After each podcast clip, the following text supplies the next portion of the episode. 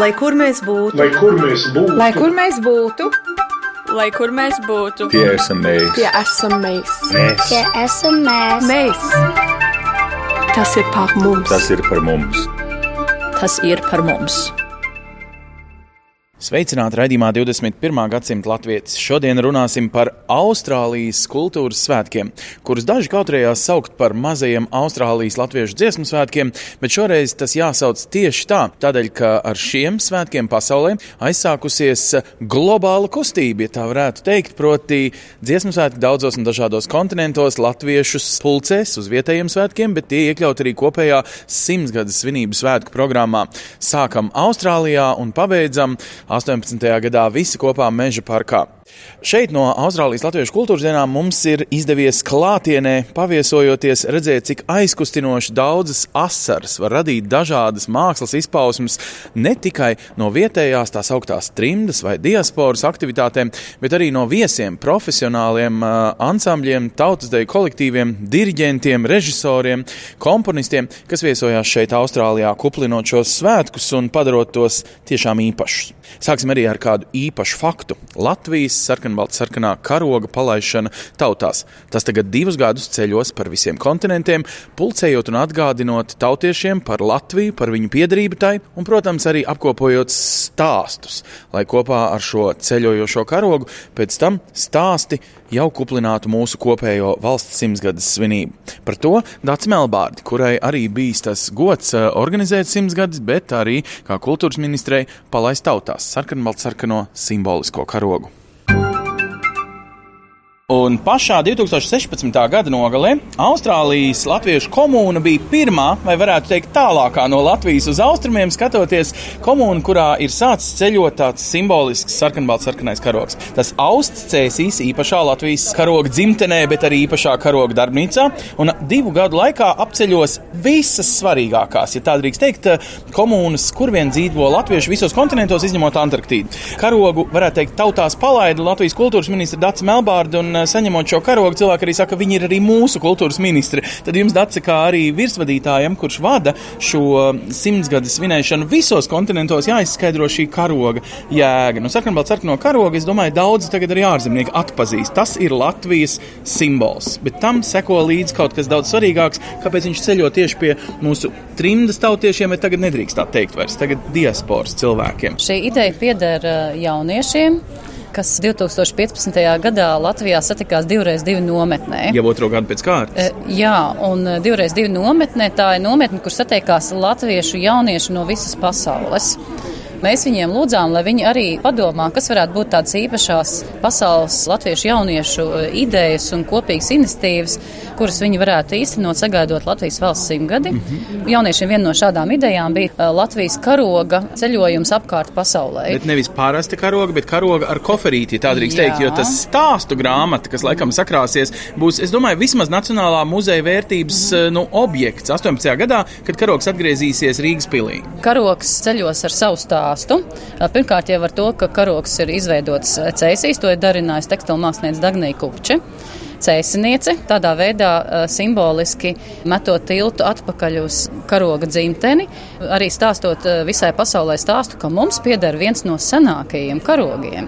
Jo, kā mēs zinām, tad par Latvijas karogu mēs atrodam ziņas jau senajās kronikās no kurienes arī šī Latvijas karoga leģenda ir veidojusies. Un šobrīd ir ļoti svarīgi mums stāstīt karoga stāstu pasaulē un veidot šim karogam klāt arī tādu vēstījumu grāmatu, kurā cilvēkiem ir iespēja ierakstīt nu, gan savu vēstījumu Latvijas simtgadēji, gan arī varbūt savu Latvijas karoga stāstu, jo katram tāds stāsts ir. Ir kāds, kas vēl atcerās, kā izbraucot otrā pasaules kara laikā no Latvijas, viena no būtiskajām lietām, ko tēvs vai māte ņēma līdzi, bija karogs un kā šis karogs tika glabāts glabāts. Ir stāsti, kas stāsta par to, kā padomju laikos dziļi pagrabos noslēpti karogi ir glabāti. Tā kā mums ir ļoti daudz interesanti arī šie dzīvie stāsti. Mums būtu ļoti vērtīgi arī, ja tādi parādītos šajā grāmatā, kas ir pievienota karogam. Tātad pēc diviem gadiem tas būs stāstu, varētu teikt, neiedomājamākie stāsti, ko trimdas vai diasporas cilvēki būs ierakstījuši kā ko? Novēlējumu valsts nākamajiem simts gadiem vai drīzāk stāstu par sevi? Šī ir vēstījuma grāmata, un vēstījumi var būt gan uz nākotni vērsti, gan uz tagadni vērsti, gan arī sakņoti pagātnes stāstos. Ja tas, kas nāk ar lielu dzīves bagāžu, tam acīm redzot būs daudz ko stāstīt, grendējoties savās atmiņās un pieredzē. Ja kāds jaunietis rakstīs, un mēs arī aicinām grāmatā ierakstīties arī visur jaunieši, un arī Austrālijas Eh, jauniešu pārstāvs lūgs un ierakstīties. Viņi jau, protams, rakstīs vairāk uz nākotni vērsti, protams. kas ir tas, kādu viņi grib redzēt nākotnes Latviju, ko viņi paši ir gatavi darīt. Un kurš rūpēsies par to, lai viņš tiešām apceļo visus kontinentus un visus svarīgākos diasporas eh, notikumus? Nu, piemēram, eh, es zinu, Baltimorā pie Jāņiem būs Amerikas Latviešu dziesmu svētki, kas arī savā ziņā tikai ieskandina to lielo notikumu Meža parka estrādē 18. gada vasarā. Tur tad viņš laikā un vietā, kurš par to rūpēsies? Galvā visiem pieciem kontinentiem kontinentiem jāizbrauc cauri. Pirmkārt, Latvijas eh, simtgadus birojas rūpējas par eh, šī projekta koordināciju, bet eh, otrkārt mums ir ļoti labi sadarbības partneri - Pasaules Brīvo Latviešu apvienība, Eiropas Latviešu apvienība, Amerikas Latviešu apvienība, Austrālijas Latviešu apvienība. Tad, tad visas šīs organizācijas, ar, ar kurām mēs sadarbojamies un kas paši organizē šo karoga pieņemšanu, uzvilkšanu savā mītnes zemē un jau arī tālāk tad, nodošana no rokas rokā tajā brīdī, kad šis karoks atrodas viņu kontinentā. Bet simboliskā jēga ir karoks. Tā lielākā laikam ir, kā mēs paši gribam, vai katram latvietim, kurš nedzīvo Latvijā tagad, vajadzētu šo simtgadu izmantot nu, vismaz kā iegānstu atbraukt tieši tajā vasarā, es nezinu, tieši uz dziesmu svētkiem, kā jums liktos. Vai Latvijas simtgadi var svinēt arī nevarot atbraukt veselības iemeslu dēļ, vai kā, kā diaspora piedalīsies šajos svētkos, kā jūs gribētu, lai viņi piedalās? Nu, mēs mudinām atrast iespēju piecu gadu laikā atbraukt uz Latviju, jo Latvijas valsts simtgadus programma aizsāksies nākamgad pavasarī un noslēgsies 21. gadā. Būs ļoti daudz notikumu, uz kuriem ir iespēja atbraukt. Un, ja nevar atbraukt 18. gadā, varbūt var atbraukt 17. vai 19. gadā. Tur dažādas šīs iespējas ir. Bet tas, par ko es esmu pārliecinājusies strādājot ar mūsu tautiešiem ārvalstīs, ka viņi ir ļoti saliedēti ar savām organizācijām un mūsu latviešu kultūru, spēj uzbūrt mazo to Latvijas sajūtu, arī esot prom tālu no Latvijas. Un tas ir tas, ko mēs jūtam šajās dienās Austrālijas kultūras svētkos. Mēs jūtamies kā tādas mazās Latvijas dalībnieki. Latvija jau nav tikai, protams, zeme. Zeme ir ārkārtīgi svarīga, bet Latvija ir arī latviešu kultūra, valoda kopības sajūta. Šīs vērtības ir iespējams uzbūrt arī ārpus Latvijas, un tas ir tas, ko latvieši šeit dara. Jo, protams, ir vecāku gadu gājumi cilvēki, kas nevar aizbraukt uz Latviju, un tad ir ļoti svarīgi, ka latviešu organizācijas arī ar eh, atbalstu no Latvijas, arī ar Latvijas amatpersonu līdzdalību protams. Eh, rada un uzbūr šo mazās Latvijas sajūtu un arī svētkus eh, ārpus to kultūrvēsko mantojumu, kas nav pārvietojams, to var izbaudīt tikai Latvijā. Bet ir iespējams uzbūrt mazo Latviju, un es nereiz vien esmu pārliecinājusies, jo man šie te ir trešie kultūras svētki ārpus Latvijas, un es redzu, ka cilvēki spēja uzburt to mazās Latvijas sajūtu. Bet es, protams, novēlu visiem iespēju atbraukt uz Latviju, bet mums vienmēr ir jādomā par cilvēkiem, kas dažādu iemeslu dēļ nevar. Un viņi nav mazi. Un, un viņi nav mazi, un Austrālija ir ļoti tālu. O, jā. man pienāca viena kundzīt klāt ļoti, ļoti, ļoti sirmu galvu. Nu, kādi astoņi gadu desmiti ir aiz muguras, un viņa teica, es, es tik ļoti mīlu Latviju, un es tik ļoti gribētu būt Latvijā, un tu redzi, cik viņai tas ir svarīgi. Mm. Nu, tā ir tā emocija. Jā. Iespējams, viņai nekad neizdosies to vairs piepildīt, vai ne? Vienu vai otru iemeslu dēļ. Bet tas viņai ir noteikti ļoti svarīgi. Un, un tas ir tas, kas mums jāaptur prātā, ka katrs šis cilvēks, kas mums ārpus Latvijas ir un mīl Latviju, un viņas gat, labāk kaut ko dara, mums ir milzīga vērtība. Jā, es esmu Latvija. Tāds ir gal galā simts gadus sauklis. Tas ļoti labi šeit iekomponējās. Man personīgi visaizkustinošākais šajos svētkos likās nevis tradicionālie dziesmu un deju koncerti, bet gan mūzikls Eslingen. To savulaik uzrakstījusi Lorita Ritmana, Emīļa balvas saņēmusī latviešu izcelsmes komponisti, kur dzīvo Amerikas Savienotajās valstīs. Stāsts ir par bēgļu nometni Eslingenē, kurā faktiski aizsākās trimda, kurā sākumā to varētu uztvert par patvērumu savā ziņā par nacionālu traģēdiju mazliet jau vēlāk, kad bija pilnīgi skaidrs, ka atgriešanās Latvijā nenotiks un cilvēki izceļoja uz malu malām. Arī šeit zālē un arī, protams, aktieru rindās daudz bija tādi, kuri ir Eslingenē dzimuši vai dzīvojuši, vai varbūt viņu senči ir dzīvojuši. Es sarunājos ar vienu no tiem, ar galvenās lomas atveidotāju Gunāru Klausu, kurš pats uh, bijis gan leģionārs, gan dzīvojis bēgļu nometnēs. Jūs gan nedzīvojat Eslingenā nometnē, bet uh, Augsburgā. Tā ir kaut kur blakus pilsētiņa dienvidos. Nepārāk tālu.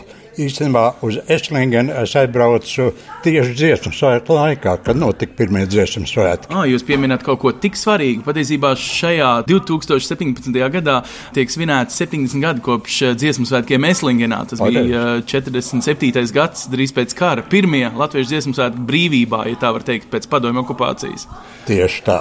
Ko jūs dziedājāt vai dejojāt? Jā, Nē, nē, nē, tikai klausītājos. Jūs bijāt, cik gadi jums bija? Pats bijāt dzimis vēl Latvijā, vai ne? Jā, protams, jā. Tad jau man bija 20. Nu, var cikot vīrs spēka gados, kuram interesē meitenes un dziedāšana. Nu, tieši tā, tieši tā. Kas ir tās atmiņas, kuras jūs mēģināt šajā mūziklā izstāstīt? Jo mm, patiesībā tās laikam ir tās svarīgākās. Es redzu, ka daži jūsu mazbērnu vecuma cilvēki, kas šeit dzied, viņi patiesībā eh, spēj saprast jūsu stāstu caur titriem angļu valodā. Patiesībā, vai ne? Diemžēl tikai ar titriem. Bet eh, nu, vienam otram droši vien ir kaut kas stāstīts par tiem laikiem. Bet, protams, tikai klausīties un saprast ir ļoti grūti. Tāpēc varbūt eh, tieši dažas epizodes no šīs dziesmu spēles padarīs vienu otru lietu skaidrāku. Kas būtu tas, kas ir jāsaprot? Es domāju, viens ir, ko sapratīs jūsu konkrēti bērni un mazbērni par to, ko jūs varat dalīties savā atmiņā. Bet otrs, ko sapratīs cilvēki Latvijā, kas būtībā palika padomju okupācijas zonā. Kas ir tas, nezinu, teikumā vai septiņos teikumos pasakāmais galvenais? Man šķiet, tas būs ļoti grūti pateikt. Tiem, kas palika Latvijā, ir grūti saprast arī mūsu it kā aizbēga, vai ne? Manā gadījumā es vispār biju iesausts leģionā. Man nebija izvēles. Citiem vārdiem, jums karš beidzās tajā pusē, ka jūs varējāt patvērties, kā teikt, uh, nu, amerikāņu zonā. Tieši tā. Es atklāju, ka mani vecāki un arī māsa bija varējuši izbraukt no Latvijas.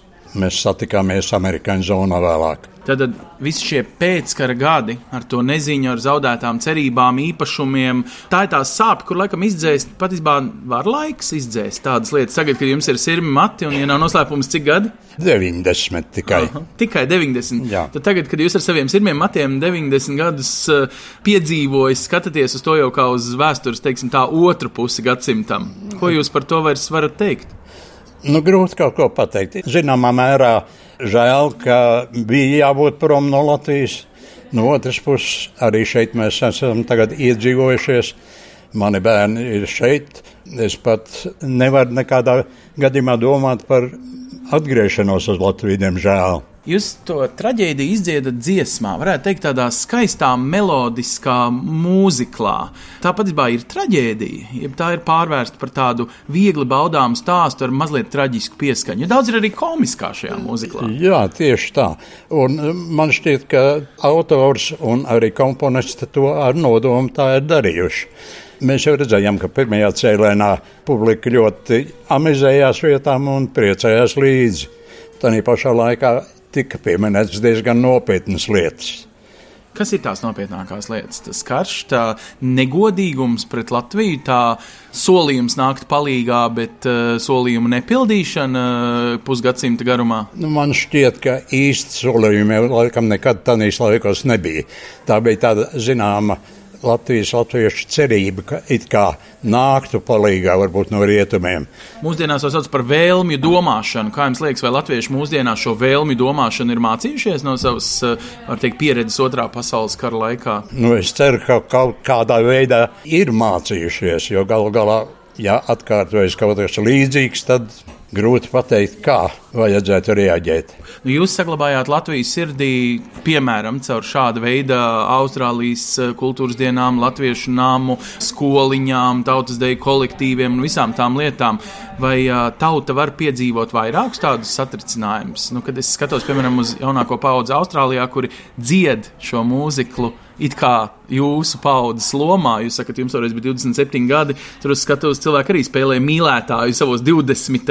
gados, savā plaukumā, bet viņi patiesībā aizkulisēs runā angļu valodā. Kā jums liekas, viņi to latviešu noti tajā visā vairs sagaršo? Es domāju, ka noteikti var, bet varbūt vieglāk viņiem izteikties dažādās sarunās, tomēr angļu valodā. Varbūt pietrūks tieši īsto vārdu. Arī es kādreiz atrodu, ka sarunā man uh, viens otrs jēdziens būtu vieglāk pasakāms angļu valodā kā latviešu valodā. Kā to Eslingenu mūsdienās būtu jāuztver? Kā vienkārši tautas vēsture, kas ir jāizstāsta. Es neteiktu, ka es Latvijā mācījies padomu laiku skolā vēsturē kaut ko par Eslingenu zināju līdz brīdim. Vai jūs gribētu, lai šo Eslingenas piemiņas pasākumu, kas 2017. gadā savā ziņā būs daļa no Latvijas simtsgades, mēs kaut kā īpaši arī izskaidrotu Latvijā latviešiem? Man šķiet, ka tas būtu ļoti svarīgi, jo, lai gan Eslingena skaitījās lielākā latviešu apmetne Vācijā, bija ārkārtīgi daudz citu līdzīgu nometņu.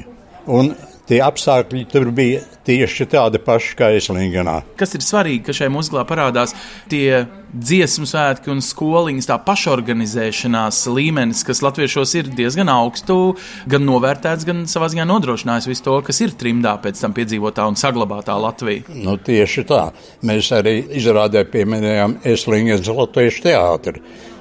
Bija vairāk gandrīz katrā nometnē bija sava amatieru grupiņa. Es Linganā, protams, bija profesionālie. Jo tie arī bija no sa... Latvijas pa īstam aizbēguši aktieri. Īsta, jā, jā, profesionāli aktieri. Un jūs gribējāt teikt arī es?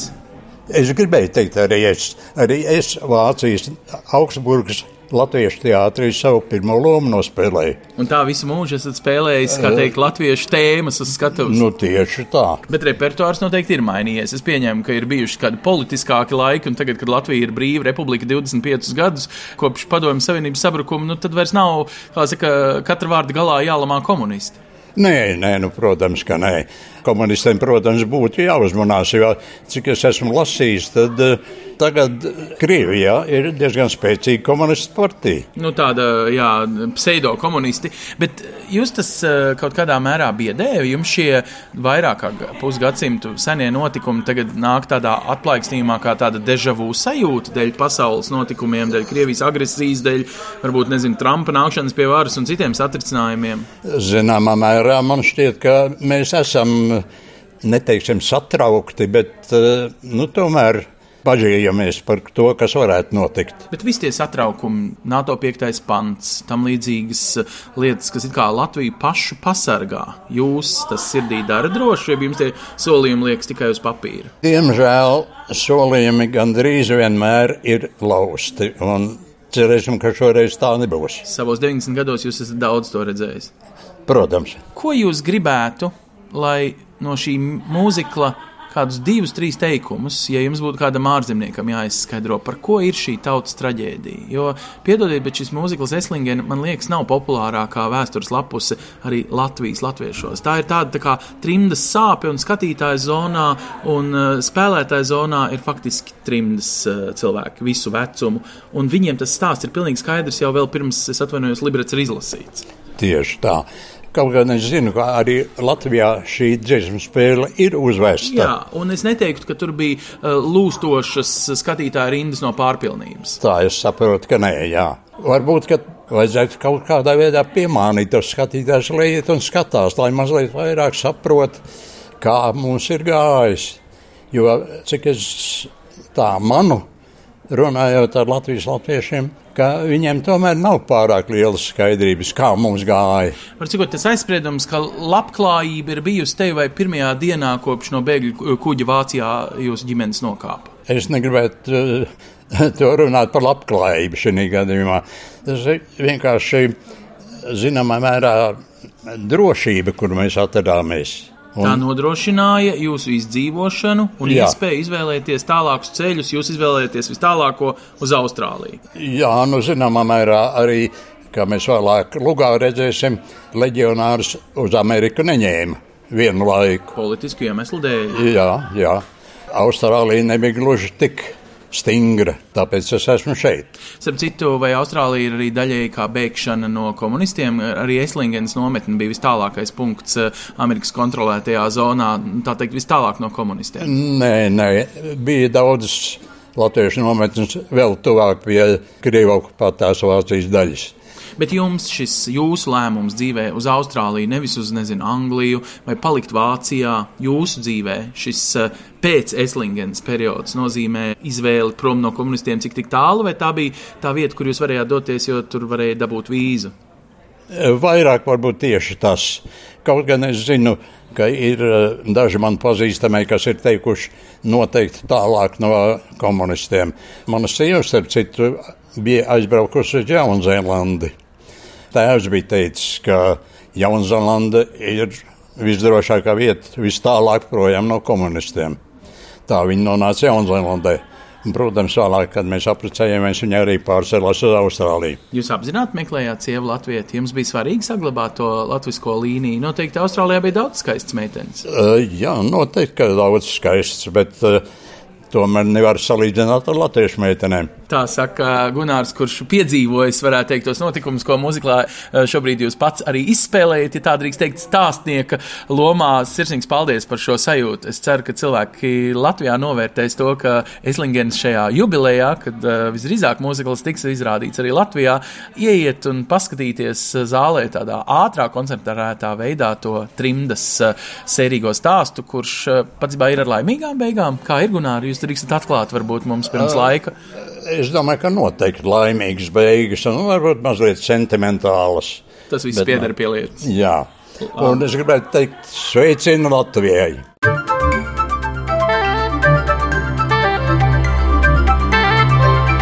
Mēs. Varu tikai piebilst, ka Eslingens mūzikls eh, savas eh, īstās svinības Eslingens bēgļu nometnes 70 gadu jubilejā piedzīvos vasarā ap Jāņiem. Tad tiks uzvests arī vēl vienreiz šis uzvedums jau Eiropā, un arī tur savā ziņā notiks mazie Eiropas latviešu dziesmu svētki. Šajā vasarā jau Eslingenē. Bet tieši dziesmu un deju svētku kopīgā kora un deju soļa mērķis ir arī daļa no šo svētku tādas profesionālās izaugsmes, proti Latviešu dziesmu svētku un deju svētku virsvadītāji. Šajā gadījumā deju svētku virsvadītājs Jānis Purviņš arī ir šeit eh, Austrālijā, lai mācītu tautiešiem pareizos deju soļus, lai visiem izskatās viss vienādi, tad, kad kopā tiksimies 18. gada dziesmu svētkos vasarā. Un turpinot par Austrālijas latviešu kultūras dienām, kuras patiesībā būtu jāsauc arī par Austrālijas mazajiem latviešu dziesmu svētkiem, mēs satiekam Jānu Purviņu. Viņš ir horeogrāfijas vadītājs jaunajiem, lielajiem, vissvarīgākajiem 18. gada dziesmu svētkiem. Un, Jāni, jūs šeit Austrālijā esat ne jau tāpat vien, jums ir jāiemāc kaut kāds savādāks deju solis tautiešu kolektīviem, kuriem patiesībā tagad ir jāsakrāj spēks, nauda, uzmanība un pilnīgi cita veida noskaņojums, lai piedalītos tajā lielajā uzvedumā, kas ir jūsu galvā. Domāju, ka tas pats galvenais ir um, dot priekšstatu un dot tās uh, zināšanas vajadzīgās, kas ir nepieciešamas šim jaunajam uzvedumam, nedaudz par to pastāstīt, iemācīt idejas. Tā dejošana jau pēc būtības ir viena un tā pati. Mēs varbūt esam tādi uh, nedaudz skrupulozāki un gribam precīzāk visas lietas sadarīt, bet pēc būtības soļi jau nemainās un zīmēm jau nemainās. Bet jūs esat prasīgs, jūs esat profesionāls. Šeit nevienmēr vienmēr šo kopu vadītāji ir izgājuši tādu mūzikas mhm. mākslas akadēmijas dresūru, kādu nu, Latvijā nu, jūs horeogrāfijā izējat. Zināmā mērā, jā.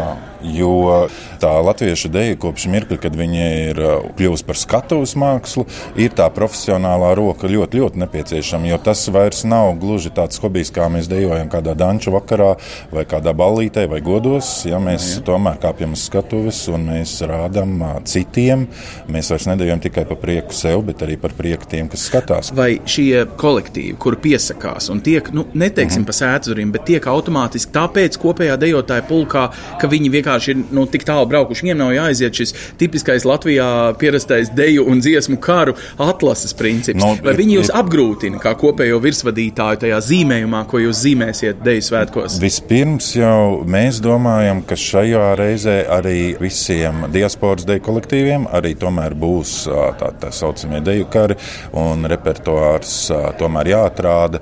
Un visdrīzāk, ka tas būs iekš video materiāliem. Mm -hmm. Ka jūs Rīgā redzēsiet viņu šeit, jā, Austrālijā, jā, uzfilmēto jā, materiālu? Jā, kā viņi ir sagatavojuši repertuāru, jo mēs Rīgā satiekoties svētkiem, mums vienai dejai ir tikai divas stundas, lai mēs varētu viņu salikt lielā zīmējumā, lielos rakstos. Tikai divas stundas. Tad katram ir jāatbrauc no otras pasaules malas, no Austrālijas. Jau gatavam. Pilnīgi, pilnīgi gatavam. Pilnīgi gatavam un pilnīgi precīzi zinot soli, jo savādāk mēs to kopā dejošanu nevaram dabūt. Nu, un tad, kad jūs sakat, tie soļi nemainās, tā ir tā pati latviešu dēļa. Es esmu dzirdējis dažādas reakcijas arī no trimdas kolektīviem, ka viņi saka, nu jā, bet jūs tur mums prasat pa daudz šito un pa daudz jā, to. Saka, balets, ka mēs, Jā. mēs dejojam ļoti baletiski. Bet Nu, man liekas, ka tas ir tāds skatuves, kaut kādu ža, dažādu deju žānru ietekmes uz latviešu deju. Un tas ir tas, ko es teicu, kad skatuves māksla. Jā. Nu, mums jāmāk nes tas tautas darbs, mums ir jābūt staltiem par to, ko runā un dzied tautas dziesmās. Tas viss mums tā kā ir jāparāda. Un nesenāk tā, ka jūs mazliet kaut kādā mērā diktējat pilnīgi jaunu, savādāku māksliniecisku toni, ja gribi lielajos dziesmu svētkos meža parka estrādē vai nu, Daugavas Daugavas stadionā, tad tev ir jādejo tā, tu nedrīkst savādāk. Tāpēc, ka purviņš, nu kā saka, grib, lai viss ir vienādi. nu, par vienādi nē, jo es neesmu no tiem piekritējiem, kuriem visiem būtu jābūt tā kā armijā. Visiem mm. absolūti precīzi vienādiem. Kaut gan no otras puses, nevar jau to rakstu izveidot, ja katrs dejos savādāk. Nu, jā. Koks ar diviem galiem. Bet, protams, ir choreogrāfijas arī manas pašas veidotās. Un, protams, ka arī šeit, uz vietas Austrālijā, tieši tās dejas es arī mācīšu un palīdzēšu izprast. Un tas neapšaubāmi ir daudz labāk un tā gruntīgāk pašam dejotājam no autora dzirdēt to, arī to stāstu, to ideju, ne tikai to tehnisko soli, ko mēs katrs jau varam izlasīt gan aprakstā, vai noskatīties filmā, bet to emociju, to autora emociju, kā radās tādai, kāpēc viņi ir tādi. Tā visā ir ļoti nepieciešama informācija, lai dejotājs pilnesenīgi. Ne visi šie ārzemju latviešu kolektīvi saņem nu, teiksim, nākamo divu gadu laikā jūsu personīgu pieskārienu un sagatavotību, ja tā var teikt, to, nu, ko jūs kaldinat tagad domās un darbos, ja? to 18. gada lielu uzvedumu. Nu, mēs mēģinām pēc iespējas uh, plašāk. Pašreiz tas notiek Austrālijā. Ir paredzams, ka tās lietas darīsim un palīdzēsim arī Kanādā un arī Eiropas valstīs. Lēnām tas process notiek, bet tas neapšaubām ir ļoti svarīgi. Bet tā Emocijām tam gatavošanās stāstam. tam visam, vai tā dod kaut kādu maģiju arī tam notikumam, kas notiks 18. gadā vasarā? Vai jūs jūtat, ka šie deju kolektīvi un tie arī vedīs to Latviju uz to simts gadi? Jo, jo, Ja, neapšaubām. Ne? Tur ir baigā Neapšaubām. ķīmija apakšā visdrīzāk. Jo pēc būtības tas mirklis, kam mēs gatavojamies, ir absolūti īss. Viena viņš trīs ir- minūtes. Jā, un viss un beidzās. Man liekas, ka tā svētku svinēšana, jeb godināšana, jeb tā gatavošanās, tā jau ir arī tā svētku sajūta īstā, kura tur pēc tam tādā īsajā mirklī nu, uzsprāgs kā šampanietis. Mm. Kas ir tas, ko jūs pats eh, te pamanāt? Tās kaut kādas atšķirības, kaut kāda lielāka, es nezinu, bība klausīšana vai tī tādā praktiskā jomā. Es saprotu, viņi nemēģina tā kā jūs Latvijā mēdzat, jūs pats vadat tautas dzēju kolektīvu līgo, jā, jā. un es saprotu, katru nedēļu vairākas reizes jūs reizes nedēļā. Nu, re, Jā, nu, bet šeit ir, ka tā mēs, nenotiek. Mēs, mēs runājām, pašreiz esam kontaktā ar Lāru Brenners, kas ir arī šeit vadītāji, kur arī vada deju kopu. Un, viņi arī dzen mēģina divas reizes nedēļā. Tā kā īstenībā tās atšķirības varbūt nemaz tik lielas nav. Pašreiz šajā mirklī es nevaru tā precīzi emocijas savus izstāstīt, jo mums tie mēģinājumi kopā, dejošanas mēģinājumi vēl tikai būs priekšā, kur mēs reāli arī kopā dejosim. Jo, piemēram, tautas deju lieluzvedumā mēs pat jauksim kolektīvus. ā, Latvijas, Speciāli. speciāli Latvijas dejotāji dejos vienā pārī ar uh, Austrālijas dejotājiem. tas ir tāpēc, ka jūs puikas neielaida Austrālijas imigrācijas dienestā, vai tāpēc, ka lai tāpēc, tas tāpēc, bija lai, solis? tā, tā, tāpēc, lai mēs vairāk viens otru iepazītu un vairāk viens no otra iegūtu un iemācītos, jo arī mums ir ko iemācīties šeit. Ko? Piemēram, varbūt ka par to attieksmi, patriotismu, varbūt tādu. Mm. -hmm. Dejas stāsts ir diezgan plašs, īpaši deju svētkiem, ja mēs no 13. gadsimta līdz mūsdienām skatāmies. un Tā patriotisma sadaļa ir diezgan svarīga mūsu mākslas zemē. Starp citu, vai šīs augsim stāsts par to, ka daudzi latvieši, nu jau katrs septītais nedzīvo Latvijā, kaut kādā mērā var parādīties arī pašā deju uzveduma Tā arī saturā? būs. Jā, ja mums būs atsevišķa dēļa, atsevišķs priekšnesums, kur dejos eh, visi tie dejotāji, kuri dejo ārpus Latvijas. Atsevišķa dēļa, viņiem speciāls uznāciens. Kā to deju sauc? Tā ir deju kolāža, saved uh, tos mājās pie dzintara. Krastiem, Oho. un, kurā ir uh, ietilpinātas uh, nu, tādi fragmenti ielikti no trijām dejām, kas ir ļoti populāri uh, ārpus Latvijas. Viena ir skaidrīts darījusi alku dēļ, ko mēs arī šeit dejosim, tā ir Austrālija. Tad ir uh, Zigurda Miezīša Toronaks. Un pavasara dēļ Aboliņas kundzes veidot. Tad neapšaubām es domāju, ka tas būs ļoti emocionāls mirklis. Tas tāds, Jā. es domāju, tiem, kas saprot, ko tas nozīmē, mm -hmm. ikdienā nākt uz, uz deju kolektīvu un apliecināt savu latvietību kaut kur tālu svešumā dzīvojot. Jā, jā. Mums it kā Latvijā tās, tās lietas brīžiem notiek pašas no sevis, Nu, jā. un mums tas ir pašsaprotami. Nu jā, tas ir katrs ceturtdienas vakars Tas ir tāds baigais, tāds ļoti nopietnais apliecinājums tam. Kas tu esi, ka tu esi latvietis. Nākt uz mēģinājumu, darīt nu, tā tāda latviskā koncentrācija, kaut kāda mm -hmm. emociju un nu, tāda apliecinājuma. Būtībā var teikt, ka dažreiz tajā dejā tu piedzīvo tādu emociju kā tādu dievkalpojumu, ja? būt jā, par latvieti. Jā. Es domāju, ka um, tas kopā dejošana tautas deju lielu uzvedumā būs nu, ļoti, ļoti emocionāls mirklis ar tādām ļoti miklām sejām. Tie esam mēs. Mēs. Mēs. Spilgta latviešu kultūra, kas spēj pārsteigt gan šeit, Austrālijas kontinentā dzīvojošos sveštautiešus, gan, protams, aizraut pašus latviešus. Varētu teikt, tāda intensīva piedzīvota latviskuma nedēļa, kā paši saka, uzlādējam baterijas un dzīvojam tālāk. Daudziem finansiālu vai veselības iemeslu dēļ tā arī neizdosies atbraukt uz Latvijas simtsgadi, bet par ko mēs varam droši pārliecināties, viņi vēl aizvien 3., 4., citreiz jau 5. paudzē ir latvieši, jūtas kā latvieši un jūtas ar to arī īpaši, kopjot savu valodu un tradīciju, un jā, runājot un dziedot aizvien latviešu valodā. Radījumā 21. gadsimta latviešu, starp citu, nākamajā nedēļā ieskatīsimies daudz plašāk šajā etnogrāfijas izstādē, kas mani pārsteidz ar savu posmu, bet arī īpašo stāstu, trimdas stāstu. Par to pēc nedēļas, bet raidījumu kā vienmēr noslēdzam ar aktualitātēm, kas trimdas sabiedrībā un diasporas sabiedrībā ir bijušas šajā nedēļā. Paldies un tiekamies pēc nedēļas!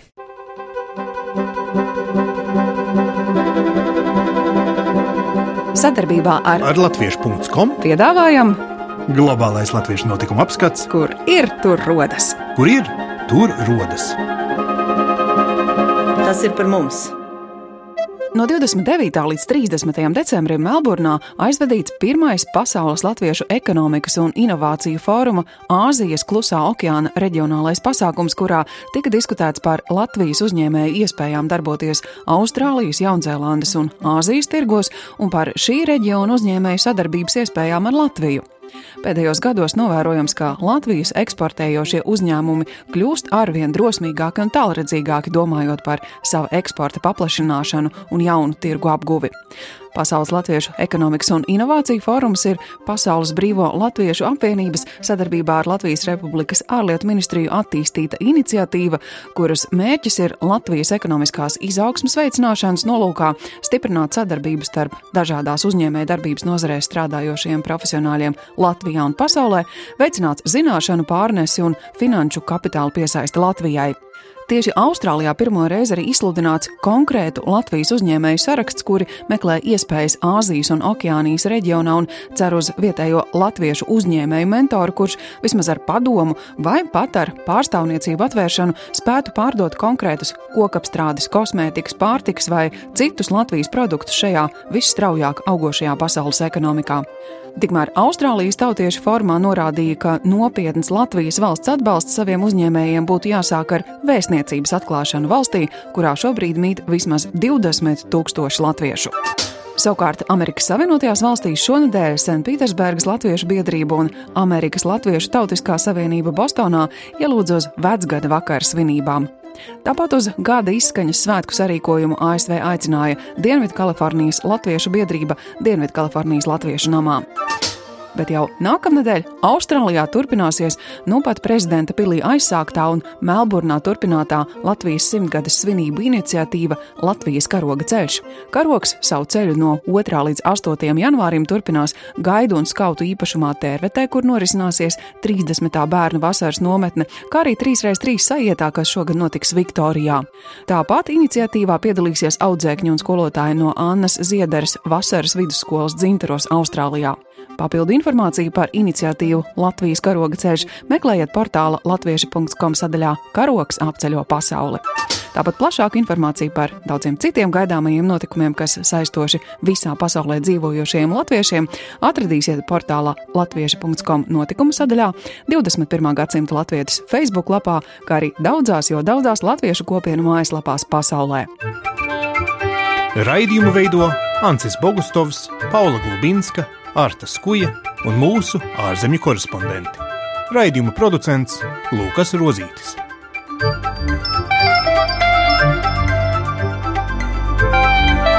Lai kur mēs būtu, Lai kur mēs būtu, Tas ir par mums. Tie esam mēs! tas ir par mums. Tie esam mēs. Tie esam mēs. Tie esam mēs.